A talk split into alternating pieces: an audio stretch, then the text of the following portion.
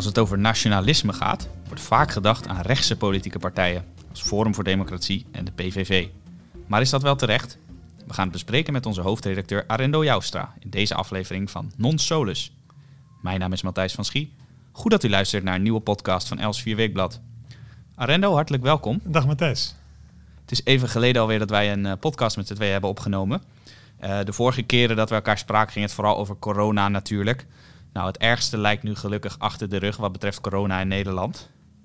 Maar we zijn voorlopig nog niet terug bij het oude en ook niet hier op de redactie van Els 4 Weekblad. Nee, nou, we moeten ook uitkijken dat we, we zijn... We hebben natuurlijk die corona eerste golf, althans vele van ons hebben die overleefd, omdat we natuurlijk alle uh, ons gehouden hebben aan de maatregelen van de RIVM. Um, maar goed, iedereen zegt ook, er kan een tweede golf komen, zeker als het weer wat kouder wordt en uh, ook de normale griep terugkeert, mensen meer binnen zitten. Dus uh, waakzaamheid blijft geboden. Op de redactie werken we nog steeds niet uh, op de redactie met z'n allen op één redactievloer, maar nog steeds thuis. En wij zijn nu wel op de redactie. Uh, het is nog wel heel erg voorzichtig iedereen. Ja, we zitten weer ver uit elkaar, ruim anderhalve meter. Dat, dat, lijkt me ook verstandig als wij dat voorlopig aanhouden. Een aantal podcasts geleden wenste jij onze lezers en eigenlijk heel Nederland een behouden vaart. Hoe kijk je nou eigenlijk terug op die storm die over Nederland is geraast? De storm die je vergeleek met een storm waar een zeiler ook wel in belandt. Ja, en op een gegeven moment komt de zeiler, die kan dan de haven binnenvaren. Maar ja, zover zijn we nog niet. Het is heel lastig, omdat je dan eigenlijk midden in uh, deze crisis zit, om al terug te blikken en te, en te beschouwen. Bram Haan, die uh, voor ons afgelopen weken steeds een round-up heeft gemaakt van hoe de situatie erbij staat. Uh, heeft nu ook een stuk geschreven in het huidige nummer, waarin hij toch gesteld dat uh, nou ja, het, begin van Nederland was een beetje lastig en uh, een beetje verkeerd begonnen, een beetje te laat ook, te langzaam. Maar natuurlijk wel tijdig uh, bijgestuurd. En onze lockdown verschilde van die van sommige andere landen. Nou ja, en de resultaten zijn in al die landen ongeveer hetzelfde. Maar dit paste meer bij Nederland. Hè. Dus zoiets kan ik Noord-Europees afdwingen. Volgens mij moet elk land bij zijn eigen aard eigenlijk een soort uh, maatregel nemen die dan het beste werkt. Nou, dat is gelijk een heel uh, mooi bruggetje naar het volgende onderwerp, het hoofdonderwerp eigenlijk van deze podcast. Uh, dat is alweer uh, een, een, tijdje geleden. Je hebt een essay geschreven over nationalisme, een veelbesproken onderwerp en ook een heel goed gelezen stuk. En dat wordt vaak gezien als een typisch rechtsthema. Maar jij belicht juist een heel andere kant hè, van het nationalisme. Want ook links, zoals we dat dan klassiek omschrijven, is daar niet vies van. Ja, links oorspronkelijk was natuurlijk altijd heel internationaal georiënteerd. Karl Marx, Friedrich Engels met de internationale klassenstrijd. Um, dus de arbeiders moesten over de grenzen met elkaar samenwerken. Je had ook een soort internationale. Uh, dat, ze hoopten ook in de Eerste Wereldoorlog dat die kracht van die arbeidersbeweging internationaal een oorlog zou voorkomen. Dat is natuurlijk niet gebeurd, want nou ja, ook arbeiders denken natuurlijk wel nationaal. Maar rond links hangt altijd nog een beetje een soort internationaal cosmopolitisch sfeertje. Uh, en dat houden ze ook graag stand. En ze zetten zich graag af tegen rechtse partijen. Je noemt de PVV en ook Vorm van Democratie, maar ook de VVD valt eronder, ook CDA. Die worden heel erg gezien als nationalistische partijen, een beetje achter de dijken. Maar als je dan echt kijkt naar waar uh, linkse partijen voor staan, en ik mag ook D66 al even noemen, ja, dan zijn ze in de praktijk zijn ze natuurlijk net zo nationalistisch als, als, als vermeend althans, als rechtse partijen. Ja, jij uh, noemt in dat essay een heel uh, boeiend stuk waarvan u een link kunt vinden in de beschrijving van deze podcast. In dat essay noem jij een heleboel voorbeelden. Laten we beginnen bij het eerste voorbeeld dat jij noemt, namelijk D66-lijsttrekker Rob Jette. Die poseerde alweer ruim een jaar geleden bij de Hemwegcentrale, een kolencentrale in Amsterdam. En wa wat viel jou nou zo op bij zijn actie daar? Nou, hij stond daar met een brede glimlach en met, met zijn duim omhoog. Wat nogal pijnlijk was, want veel Amsterdammers hebben daar een baan en hebben daar 40 jaar gewerkt. Dus het is nogal pijnlijk om blij te zijn als mensen hun baan verliezen. Want die Hemwegcentrale ging die dag dicht. Erg is eigenlijk dat hij blij is dat zo'n centrale sluit. Want wat gebeurt er? Die uh, centrale werd op gas gestookt, ook een deel op kolen. Uh, ja, die sluit nu, maar onze behoefte aan elektriciteit blijft natuurlijk even hoog, even groot. Het gevolg is dat wij nu elektriciteit uit Duitsland importeren waar, waar nog wel gewoon kolencentrales zijn. En zelfs bruinkool, wat veel smeriger is en veel grotere CO2-uitstoot heeft dan die Hemwegcentrale. Dus je, je, je, je positioneert je al D66 internationaal, maar je bent heel nationaal. Want je denkt, nou ja, wij in Nederland hebben het dan geregeld. Uh, en we hebben het stoepje schoongeveegd over de grens. Maar voor het klimaat schiet er natuurlijk niks meer op. Dus dat is eigenlijk niet internationaal gedacht, maar vrij nationaal gedacht. Ja, ja en je zegt het goed. Uh, de opwarming trekt zich daar natuurlijk niets van aan of, er, of er nou vervuilende brandstoffen worden verstookt in Nederland of in Duitsland. En inderdaad, de import uit Duitsland is vaak vervuilender als het gaat om, om kolencentrales en bruinkool. Ja, hetzelfde heb je ook natuurlijk met kernenergie. Daar is, daar is D66 erg tegen. Ze wilden zelfs geen onderzoek naar de mogelijkheden van kernenergie. Maar goed, tegelijkertijd als wij hier minder elektriciteit hebben, dan we importeren gewoon kernenergie uit Frankrijk, maar daar is dan geen bezwaar tegen. Dus het is een beetje hypocriet eigenlijk. Ja, nou hebben we één uh, kant van het klimaatdebat gehad. Maar er is nog een ander voorbeeld dat uh, toevallig dan ook op, op D66, maar ook andere linkse partijen slaat. En dat gaat over CO2-belasting. Het idee dat we hogere belasting moeten heffen op bedrijven die uh, veel CO2 uitstoten. En dat wordt dan uiteraard inderdaad als een heel klimaatvriendelijk plan gezien. Maar daar valt ook nog wel een kanttekening bij te plaatsen. In ieder geval is het natuurlijk al, op Europees niveau heb je natuurlijk al een klimaatbelasting. Dus, dus het is een beetje ruim dat dan weer nationaal ook nog eens een keer te doen. Ook hiervoor geldt, ja, als die bedrijven beu zijn van die extra belasting in Nederland, dan, dan ja, die hoofdkantoren staan vaak in het buitenland. Ja, die kijken niet naar de, de kleine, kleine dingetjes. Die zien op, hoofdniveau, op hoofdlijnen, kijken ze naar of, of het gunstig is om zo'n bedrijf in Nederland te houden. En zo niet, ja, kijk naar Dow Chemical in, in. Dat wordt, dat wordt uh, geregeld vanuit Amerika. Nou, dan plaatsen die uh, fabriek gewoon ergens anders. Nogmaals, het klimaat is nog niks meer opgeschoten. Dus daar gaat het niet om. je hebt een belasting, eigenlijk met die belastingheffing, die nationalistische of nationale belastingheffing, heb je gewoon een bedrijf het land uitgejaagd, inclusief alle banen die erbij betrokken zijn. Dan hebben we nog een aspect dat ook weer iets met het klimaat te maken heeft, natuurlijk breder, maar het gaat dan om de boeren, waar wij ook deze dagen weer de nodige protesten van zien in her en der in het land, in Den Haag met name. Want de boeren, de Nederlandse boeren, die moeten allerlei zaken een stuk soberder gaan doen, vindt de regering, vindt ook minister Carola Schouten. En dat zou dan onder andere met het oog op de natuur en het klimaat zijn. En die Nederlandse boeren die voelen zich een beetje in de hoek gezet als grote vervuilers. En is dat wel zo terecht eigenlijk? Ja, kan je heel veel manieren kan je dat benaderen. Maar de Nederlandse boeren zijn internationaal gezien enorm vooruitstrevend en innovatief. Dat betekent dat ze natuurlijk redelijk schoon werken. Als je ook kijkt naar hoe het in 1990 was met stikstofuitstoot en nu, is er een enorme vooruitgang uh, geboekt. Dus in die zin uh, gaat dat eigenlijk de, de, goede kant op. Um, ja, maar nogmaals, ook hier geldt voor. je kan natuurlijk in je eigen land goed regelen, maar als de productie van, van vlees over de grens gaat, dan zijn er twee effecten. Eén, in China, Oost-Europa en nog zo'n paar landen zijn mensen veel minder diervriendelijk dan in Nederland. Dus die dieren zijn niet beter af. En twee, hier hebben dus, nogmaals, zijn, boeren zijn heel erg innovatief en vooruit, vooruitstrevend. Die hebben prachtige installaties om stikstofuitstoot te verminderen. Ja, in het buitenland zijn die er niet. Dus de stikstofuitstoot neemt gewoon wereldwijd alleen maar toe. Uh, als je die bedrijven over de grens uh, pest. Ja. Daar komt het op neer. Want uh, de behoefte aan het eten van vlees en andere landbouwproducten blijft gewoon bestaan. Ja, wat nog andere aspecten zijn, geloof, zijn geloof ik de tweede exporteur van voedsel in de wereld. Nou ja, ik zou zeggen links, maar goed, het gaat ook voor. Nou, je zou, het is een beetje, een beetje makkelijk om dit soort clichés te gebruiken, maar je mag er ook bij links veronderstellen dat ze oog hebben voor de wereldvoedselsituatie. Er zijn nog veel mensen die armoede hebben, uh, Nederland gebruikt efficiënt de grond en exporteert heel veel.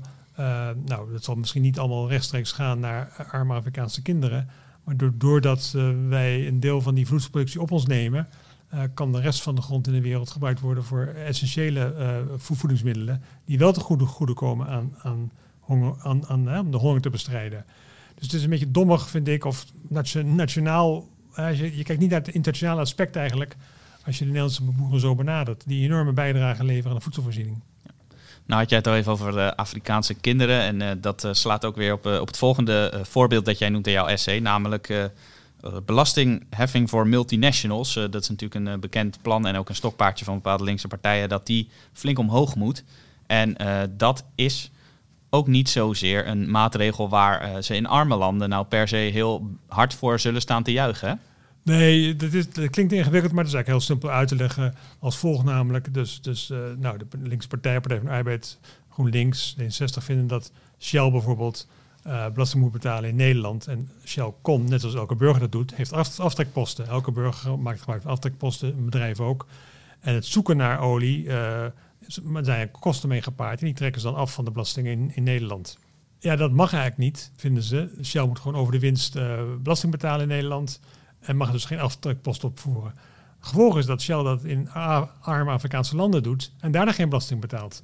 Dus ja, wie ermee opschiet is het rijke Nederland wordt nog rijker en het arme Afrika wordt nog armer. Puur door alleen maar uh, heel erg nationaal te kijken van die linkse partijen naar die belastingheffing en geen oog te hebben voor de belastingen die Shell bijvoorbeeld, maar dat geldt ook voor andere multinationals, in arme landen betaalt. Ja, dat klinkt inderdaad niet erg uh, cosmopolitisch. Nog een onderwerp, ja, we blijven bezig, maar uh, je gaat ze allemaal één voor één af. Is een stokpaardje van D66, wederom een partij die hebben we al vaker genoemd. Uh, namelijk de legalisering van drugs. Daar is de partij eigenlijk al jaren uh, hardgrondig voorstander van. En ook dat is eigenlijk best een nationalistisch idee, hè? Nou ja, dat, dat, dat is misschien wel het beste voorbeeld. Dat is onbegrijpelijk. Die, ze doen een beetje of Nederland alleen staat, op een eiland leeft, waarin je hier gewoon drugs kan legaliseren. En dat je dat zomaar kan doen zonder dat je denkt dat de rest van de wereld daarmee akkoord gaat. En ook zonder dat je denkt dat niet heel veel mensen hier naartoe komen dan om die drugs te kopen. Nou, dan ga je natuurlijk met paspoorten werken misschien. Nou, dat is ook nogal, een paspoort is dan een type een uiting van een, een, een, nationaal gegeven. Maar wat ik het eigenlijk heel schrijnend vind, los dat drugstuk hier grote schade aanrichten bij allerlei mensen. En ook vaak jonge kinderen, jonge mensen, hersenbeschadiging. Uh, wat ik het meest schrijnend vind, dat ze natuurlijk totaal geen oog hebben voor voor de productie van drugs die vaak gebeurt, uh, ook als ze gelegaliseerd zijn, in arme landen en arme, arme boeren daar in Zuid-Amerika, die uit worden gebuit voor deze productie, die niet landbouwgoederen mogen verbouwen, maar, maar voor de drugs uh, werken, voor de drugsindustrie werken. En vervolgens de couriers vaak ook nog, ook de armste mensen die dan worden uitgebuit om, om drugs naar, naar Nederland te brengen. Dus ja, ik vind het wel heel erg gericht op, uh, kijk eens hoe wij fijn hier drugs legaliseren en totaal geen oog hebben voor A, de mensen die hier onderdoor gaan. Voor ook nog eens een keer de enorme energie die het kost om, om, om, om te verbouwen. Uh, geen oog hebben voor de afrekeningen in, in het, in het uh, criminele uh, milieu. Maar vooral geen oog hebben voor arme mensen in Zuid-Amerika die het moeten verbouwen en ook die het hier drugs naartoe moeten brengen. Wederom inderdaad een, een duidelijk verhaal. Dan tot slot eigenlijk om dit onderwerp af te sluiten gaan we het hebben over een stokpaardje van ons, van, van Elsevier Weekblad, namelijk migratie. zoals wij vaak beschrijven zijn uh, linkse partijen en ook zeker een partij als D66 heel erg voorstander van uh, arbeidsmigratie met name. En dat is vanuit hun oogpunt misschien te begrijpen. Maar voor de landen waar die mensen vandaan komen, waar vandaan die mensen emigreren, is die arbeidsmigratie niet altijd voordelig. Nee, laat ik vooropstellen, wat we altijd zeggen ook bij Elsevier, is dat ik begrijp heel goed dat mensen emigreren naar een land als Nederland. Dat zou ik zelf ook doen als ik daar woonde. Dus niks tegen de mensen die dat proberen of die dat willen. Totaal begrijpelijk. Maar uh, er moet wel oog zijn, als je kijkt naar de internationale situatie, dat deze mensen vaak uh, door hun familie worden gesupport. Dus die moeten geld bij elkaar halen. Dat geld gaat dan vervolgens naar mensensmokkelaars, dus die verdienen eraan. En, en, de, best, de best en brightest van, van zo'n land vertrekken vaak. Want dat zijn de mensen die er vooruit kunnen komen.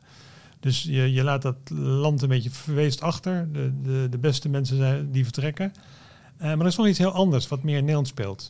Zolang ondernemers, fabrieken, ondernemers goedkope arbeidskrachten kunnen, kunnen krijgen, zullen ze niet investeren in machines.